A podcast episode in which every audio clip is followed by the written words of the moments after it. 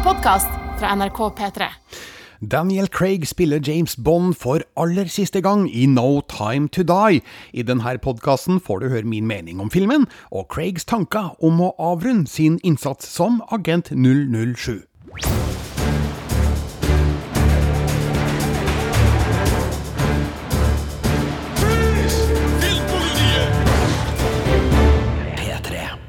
Jeg heter Birger Vestmo, og innrømmer det med en gang. Jeg har vært stor fan av James Bond-universet helt siden jeg var liten gutt. Høsten 1982, da jeg var tolv år gammel, oppdaga jeg og noen kompiser at en bygdekino noen kilometer unna der vi bodde, ikke var så nøye med aldersgrensa, og mer enn gjerne slapp oss mindreårige inn på filmer med både 16- og 18-årsgrense. Kort tid etter denne fantastiske oppdagelsen starta de en James Bond-kavalkade, og viste samtlige Bond-filmer som var utgitt mellom 1962 og da, hver søndag utover den høsten. Jeg fikk altså se Dr. No, From Russia With Love, Goldfinger, Thunderball, You Only Live Twice, On Her Majesty's Secret Service, Diamonds Are Forever, Live and Let Die, The Man With The Golden Gun, The Spy Who Loved Me og For Your Eyes Only. Jeg ble dermed introdusert for en spennende verden med tøffe agenter, farlige spioner, pene damer, tøffe biler, storslått action og jeg satt i salen i grendehuset med stadig større øyne og breier glis. Denne kjærligheten for James Bond har aldri gitt seg, til tross for varierende kvalitet opp gjennom årene.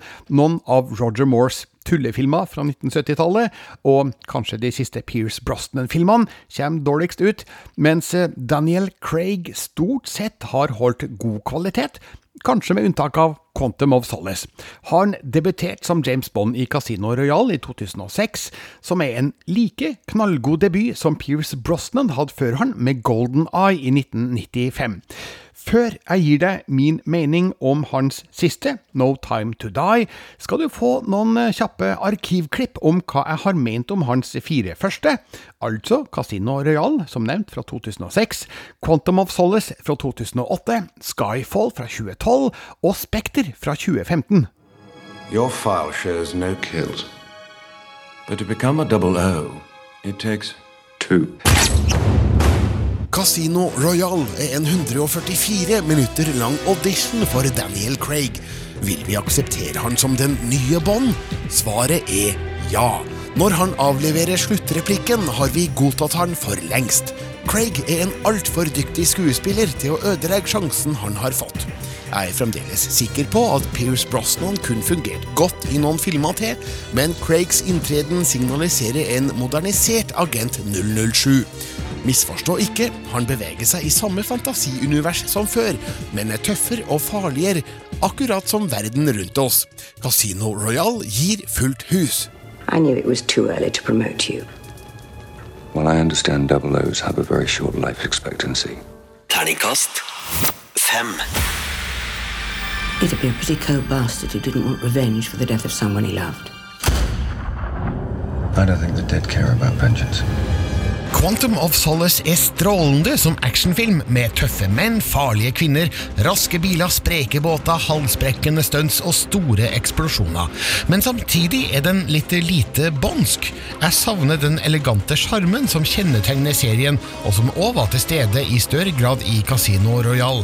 Daniel Craig har ikke like mye glimt i øyet denne gangen, og det har han kanskje ingen grunn til heller, men jeg skulle ønske han kun overlatt den blodseriøse delen av agentuniverset til Jason Bourne. Are you going to tell us who you work for? The first thing you should know about us is that we have people everywhere. Terningkast fire. It's gone. You both know what's at stake here. There isn't much road left. Take the bloody shot. Sist gang krevde at neste Bond-film skulle være mer bondsk. Det har regissør Sam Mendes sørga for. Med Skyfall greier han kunststykket å søke tilbake til Agent 007s røtter, samtidig som han gir en følelse av fornyelse. James Bond er i en slags overgangsfase i en spenningsmetafilm med stor action og høy personlig risiko. Terningkast fire. So what's going on, James? They say you're finished. What do you think? I think you're just getting started. James Bond anno 2015 er ikke bare agentaction med gadgets og ville stunts. Spekter er òg et mørkt psykologisk drama, der agent 007 må igjennom selvransakelse og stå ansikt til ansikt med sin egen fortid. Om det høres tungt ut, kan jeg berolige med at regissør Sam Mendes ikke har glemt at kinopublikum også må underholdes. Og det gjøres med sedvanlig bondsk overdrevenhet, både på land, til vanns og i lufta. Spekter er kanskje ikke tidenes Bond-film, men er Daniel Craig-epokens beste. Den tilfører ny energi til gamle krefter, og oppleves som en smakfull hyllest til mytologien. Do one more thing for me. What do you have in mind? Make me disappear. Terningkast fem. Det var altså klipp fra mine anmeldelser fra de fire første Bond-filmene med Daniel Craig i hovedrollen. Nå skal vi til den siste, No Time To Die.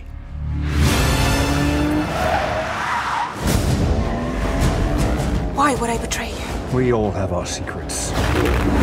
We just didn't get to yours yet.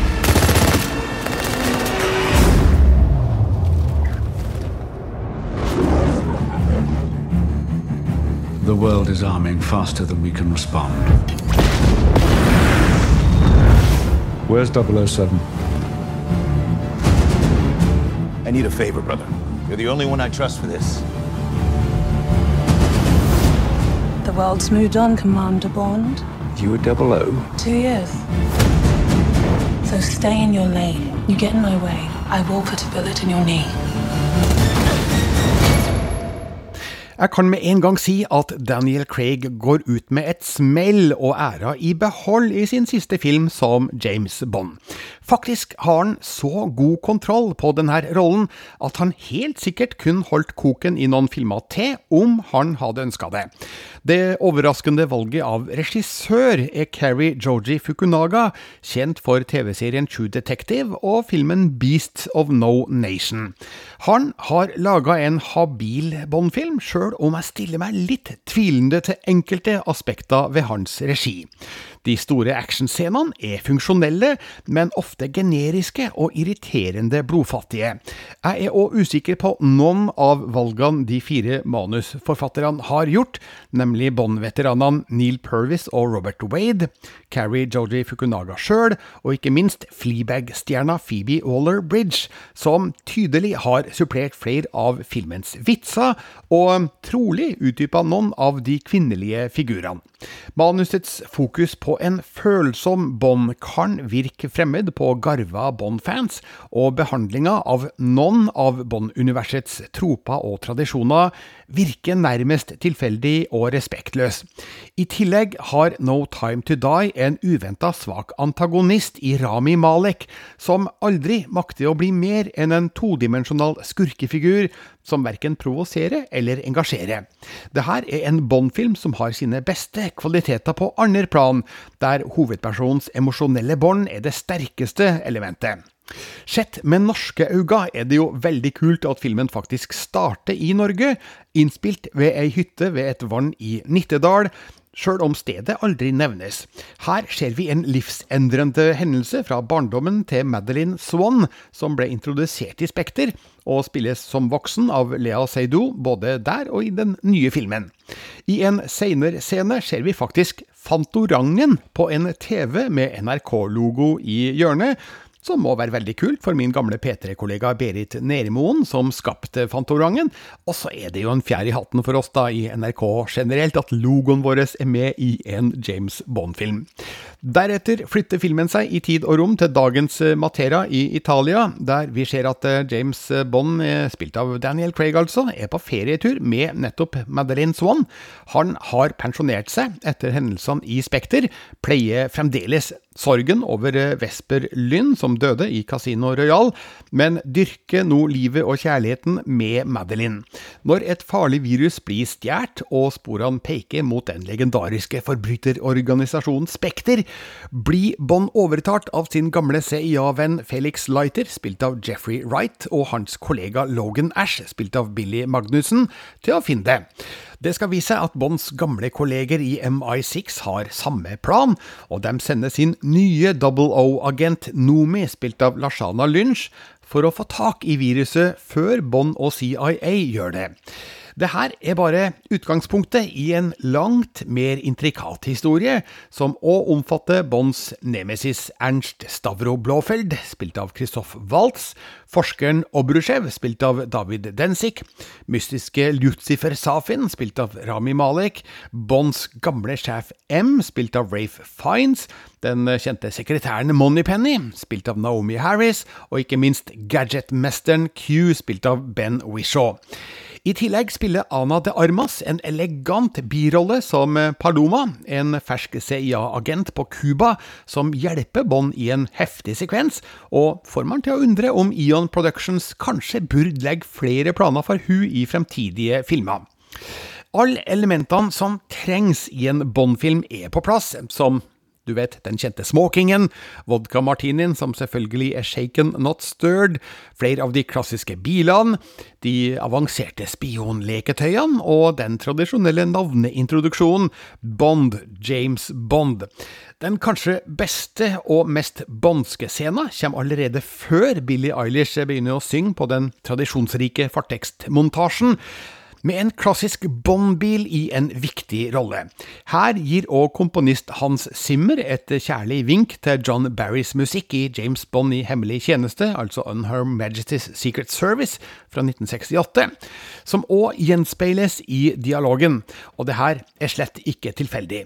Bonds forhold til Madeline virker nemlig å være hans sterkeste relasjon, siden George Lazenbys Bond faktisk gifta seg med Teresa, spilt av Diana Rigg, i akkurat den filmen. I No Time To Die utdypes forholdet mellom James og Madeline i uventa retninger som gir Bond mer å tape på det personlige plan enn kanskje noen gang, og det er det her som gir filmen sin største drivkraft, og hovedpersonen hans motivasjon. Filmens action er standsmessig utført, som vanlig både til lands, til vanns og i lufta, uten at Keri Georgie Fukunaga og hans rutinerte second unit-regissør Alexander Witt pusher grensene nevneverdig. Jo da, stuntene er spektakulære, og effektene er store og helt sikkert svindyre, men de mangler finessen og wow-faktoren fra de aller beste Bond-filmene. Fukunaga er altså mest kjent for True Detective og Beasts of No Nation, som holder høy kvalitet, men det er ingenting fra hans filmografi som skulle tilsi at han har erfaring med den typen action som en Bond-film behøver. Sånn sett er det jo imponerende hva han likevel har fått til i No Time To Die, men det hadde vært spennende om en mer rutinert actionregissør hadde fått prøvd seg. Lokasjonene vi møter i filmen er som vanlig mangfoldige og eksotiske, og tar oss annet til Italia, Jamaica, Cuba, England og Japan. Ja, så er filmen da innom Norge, da, og den tar seg kanskje noen kraftige geografiske friheter, blant annet når det gjelder avstand mellom Nittedal, Atlanterhavsveien og Ørland flystasjon. Men Bond-action i norsk skog- og kystlandskap er sikkert eksotisk nok for et internasjonalt publikum, samme hva kartet sier. Eksteriøret i Nittedal byr på kaldt norsk vinterlandskap som virker velkjent for enhver nordmann som liker å bevege seg rundt i norsk skog og mark. Den spektakulære Storseisundbrua langs Atlanterhavsveien er like majestetisk i widescreen på kinolerretet som den er i virkeligheten. En heftig actionscene med både bilkjøring og skuddveksling i en skog, som ifølge filmen ligger i nærheten av denne brua, er et av filmens høydepunkter, men ja, jeg tviler på om akkurat det her er innspilt i Norge. Ifølge Internet Movie Database har deler av filminnspillinga foregått i Skottland, som ikke er med i handlinga, så kanskje er det her den norske skogen er innspilt. Manusforfatterne har truffet skummelt godt, vil jeg si, med historiens virustematikk, sjøl om alt ble skrevet og filma før pandemien. Handlinga spiller på frykten for et smittsomt virus med dødelig utgang, og kan komme ubehagelig tett på de siste 16 månedenes nyhetsbilde. Jeg tror imidlertid at noen av deres andre valg i denne filmen kan diskuteres, og det ganske heftig, uten at noe av det skal avsløres her. Det er likevel ingen tvil om at No Time To Die gir Daniel Craig en minneverdig utgang i rollen som filmhistoriens største og viktigste agenthelt. Med en spilletid på hele to timer og 43 minutter er det mye bånd for pengene, og sjøl om Keri Georgie Fukunaga og klipperne Tom Cross og Elliot Graham sikkert kunne ha fjerna en liten halvtime og fremdeles fortalt den samme historien, kan jeg ikke påstå at jeg syntes spilletida var overdrevent lang. Av og til er det deilig at filmskapere gir seg sjøl litt armslag for å fortelle det de har på hjertet, og jeg føler at det her er et storslagent punktum for denne delen av Bond-historien.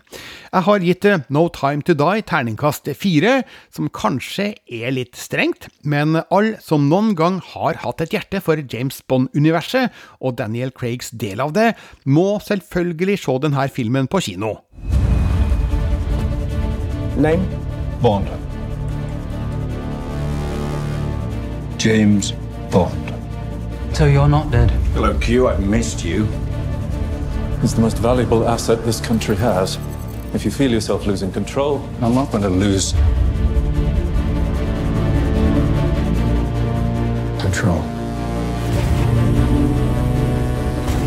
James, you gave up everything for her. Her secret finds its way out, it'll be the death of you. What is it? You don't know what this is? Nå skal du få møte fire av de viktigste nøkkelpersonene fra No Time To Die, nemlig skuespillerne Daniel Craig, Lea Seydoux, Rami Malek og regissør Carrie Georgie Fukunaga. NRKs Christian Ingebretsen har nemlig intervjua dem under pandemivennlige forhold på Zoom, og først skal vi til bånn sjøl Daniel Craig.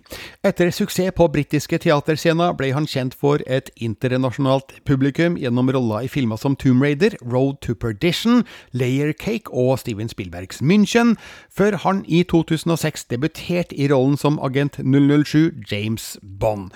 Fem filmer har det blitt, altså Casino Royale i 2006, Quantum of Solace i 2008, Skyfall i 2012, Spekter i 2015, og så da No Time To Die som kommer nå. Christian har spurt Daniel Craig hva han er mest stolt av med de her filmene. I, think um, just the you know this massive collective effort that goes into making these films, being a part of that and being able to sort of help create them, bring them to the screens. That's what I'm most proud of. It's just uh, it's nothing nothing better um, than going to work and working with um, just phenomenal people. Uh, in the documentary being James Bond, uh, you, you said that this movie has been the hardest or the toughest, toughest Bond movie to shoot. Uh, why? Did I? Yeah. This one? Yeah. Oh, I don't think so. No, I think Spectre was harder than this. Uh, uh, this, I think I said Spectre was the hardest one I did. This, this wasn't. This was tough, but it wasn't the hardest to shoot. It was. It was one of the most joyous ones I've, I've, I've shot. You, you also talk, uh, talk about how uh, difficult it is or uh, uh, can be to pronounce the words "Hi, I'm Bond, James Bond." Mhm. so, so tell me, how awkward is it during shooting when you have to say the words "Hi, I'm"? I don't, I don't think about it. I just wait. I mean, I don't even. I, when we have that set day, I don't. I don't. I don't think about it. I just. I just try and say it and and, and, and let it go because it's. Uh, there's too much. If you there's too much weight on it to uh, to sort of to uh, give it too much thought. Is it more or less tricky than to say vodka martini, shake it, not stirred? Probably harder. the Bond uh, movies has changed a lot in your uh, era. What do you think James Bond movies should do to survive and continue uh, and, to be relevant in the future? I mean, I listen. They, they, they as long as they're entertaining people, then they they'll succeed. I, I they they've always managed to be relevant because they always sort of reflect the time they're in, either politically or just appealing to the fashion of the time or whatever it is. That's something, and I think that will always be the case. I think the creative people that are involved with with making the movies will figure it out, and whoever takes on the, role will figure it out. I mean, it's uh, you know, it's too uh, too precious to sort of uh, to let go. And uh, I'm sure you, you you get this question a lot about uh, your last movie. How does it feel? Um, I, I'm very proud. I'm very um, happy with the results of the movie. I, I'm emotional about it, of course, because it's a it's a big part of my life. But uh, I'm looking forward to celebrating it. what type of Bond movie is this compared to the other ones you've done? We we tell a story from Casino Royale through the other movies, and this finishes off the stories and ties up loose ends, and so it's a sort of continuation, but it's still just a big Bond movie at, at its core.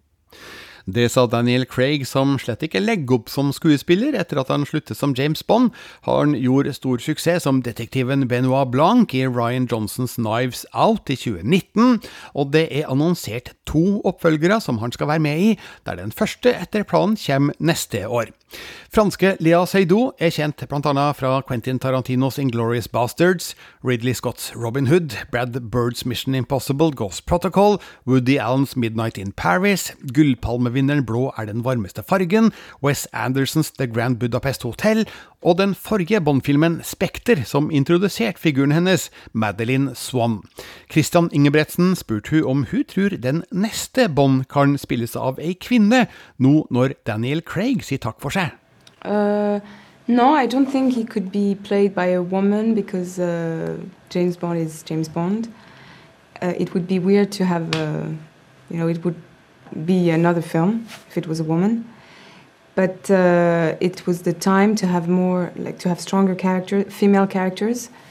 So it really evolved in a in a good way. But maybe maybe I, would like to see a film with uh, with a, a um, like a woman who who have like James Bond skills, a spy in a way. Yes, I'd love to see that. Uh, some articles I found online writes about you uh, as the Bond girl, which is the traditional name for that for that role. But what do you think about being referred to as the Bond girl? It doesn't feel so 2021. Yes, yes, yes, uh, yes. Now uh, they used to be, uh, in my opinion, they the, the Bond girls used to be um, seen through a, a, male perspective, and uh, now it's they are not uh, objectified and sexualized as they used to be. It's true that in that film you don't have like the you know the, the, the like the scene uh, in a in a bathing suit. Like it has more consistency this time, even on a psychological way. You know, we get to understand Madeleine more, and that I think is quite new because the female characters used to be not that interesting, and I hope that this time people will um, be um, attached to her. The, the, James Bond movies is based on a not so very modern concept about a white man saving the world, right? But what do you think James Bond movies should do? We talked a little bit about it, but what do you think they should do to survive and continue in the future? Uh, it should always evolve with the time. You know, it's a it's a reflection, in a way, of the the, the, the world uh, we're living in, and. Uh, that also, I think, uh, that's why it's it's still very successful now, James Bond, because it's it's it's always modern, it's always actual. Det sa Lea Seydoux, som altså spiller Madeline Swan i No Time To Die, og som har flere spennende prosjekter på gang, annet den nye David Cronenberg-filmen Crimes of the Future, der hun skal spille mot Kristen Stewart og Viggo Mortensen, så denne franske skuespilleren har fremdeles mange S i ermet.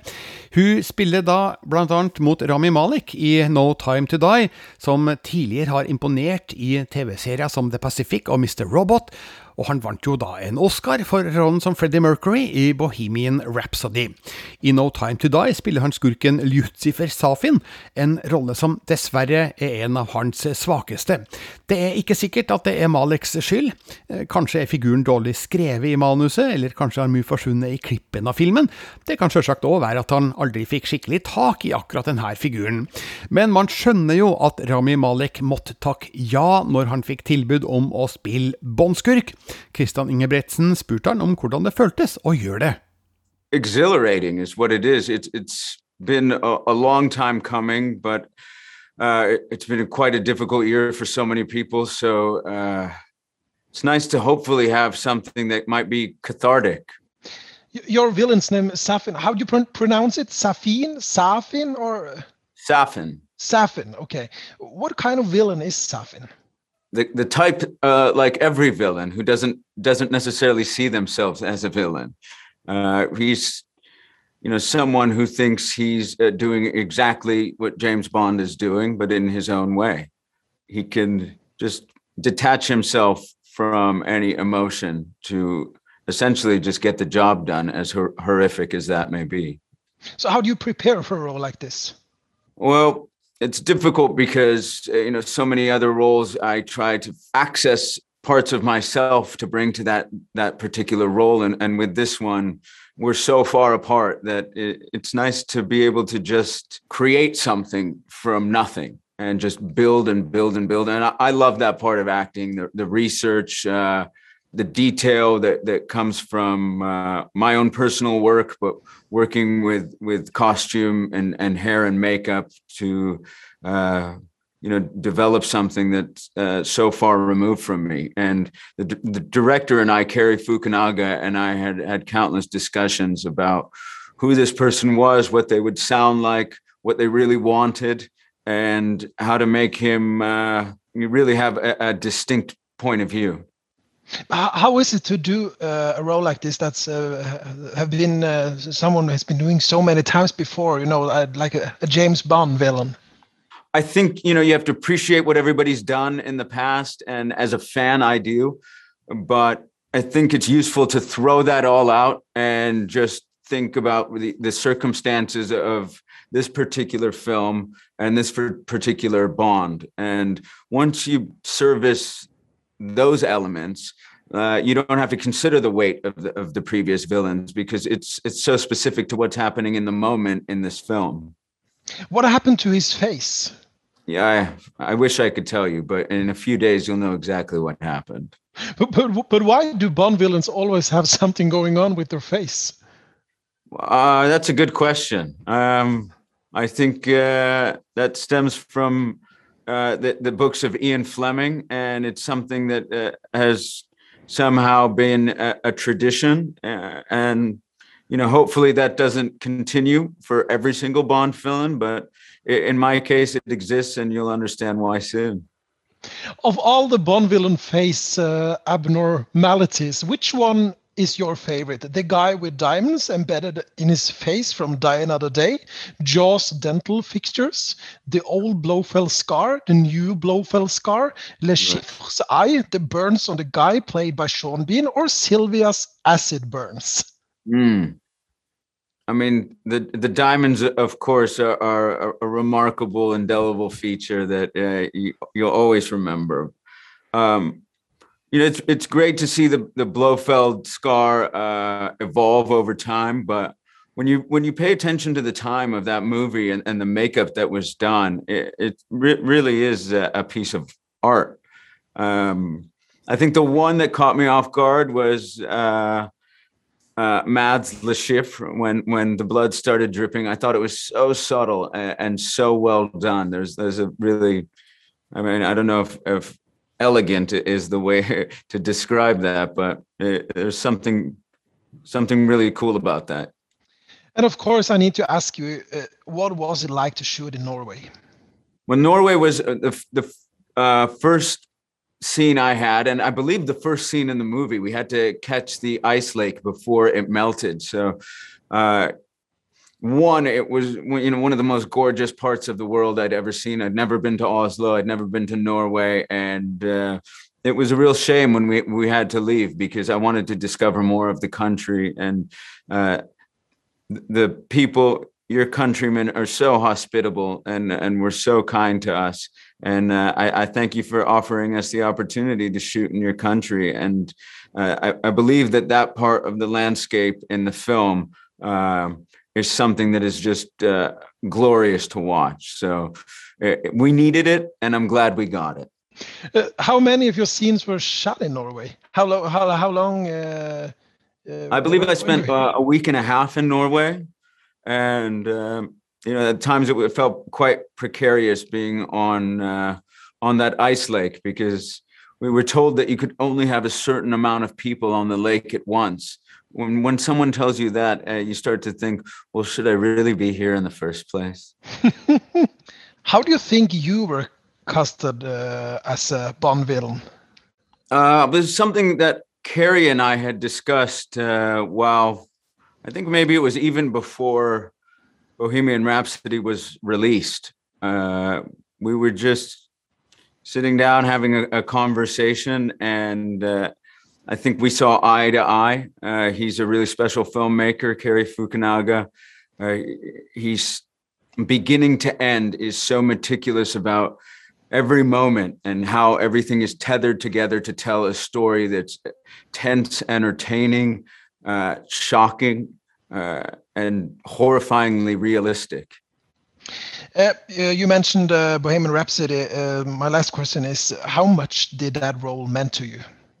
I mean, it, it's uh, it can't be qualified or quantified in any way. It, it's changed my life, uh, my relationship to uh, that gorgeous human being will uh, forever have a, a, special place in my heart. Uh, to the band and to uh, all those people who who love his music, their music. Uh, it, it was a game changer and a life changer, and something I'm so proud of and, and happy that I was a part of. Yeah, it, it's always going to li live in a, in a very beautiful place in my soul. Det sa Rami Malek, som altså er foreviga i Bond-historien som skurken Lucifer Safin i No Time To Die.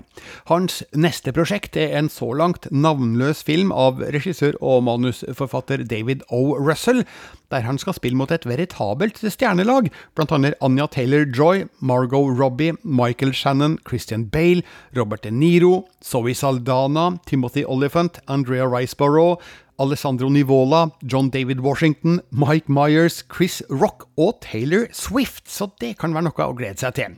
Men vi skal holde oss til No Time To Die og møte regissøren Carrie Georgie Fukunaga. Han debuterte som spillefilmregissør med sin Nombre i 2009, og fulgte opp med en nyinnspilling av Jane Eyre i 2011, der Mia Wasikowska, Michael Fassbender og Jamie Bell spilte hovedrollene. I 2014 fikk han sitt store gjennombrudd med sesong én av TV-serien True Detective, med Matthew McConaughey og Woody Harrelson i hovedrollene. Året etter imponerte han med Netflix-filmen Beasts of No Nation, med bl.a. Idris Elba. Og i 2018 var han en av skaperne bak den amerikanske versjonen av den norske TV-serien Maniac, med Emma Stone og Jonah Hill. Nå føyer han seg altså inn i den lange og celebre rekka av James Bond-regissører, der Martin Campbell, Mark Forster og Sam Mendes har regissert de tidligere Daniel Craig-filmene. Christian Ingebretsen spurte hvordan vi vil se at No Time To Die er en Carrie Fukunaga-film. Um, I'm not sure if I'd be equipped to answer that question other than, you know, uh, as being one of the writers and the director, there's some of my DNA that inevitably gets in there in terms of the plot, characters. Um, I think uh, just the the fact that we shot in Norway was just uh, also driven by the fact that I'd been in Norway right before I got the job. I've been uh, exploring some of the fjords up in the north. Uh, uh, on vacation or uh, on location scouting?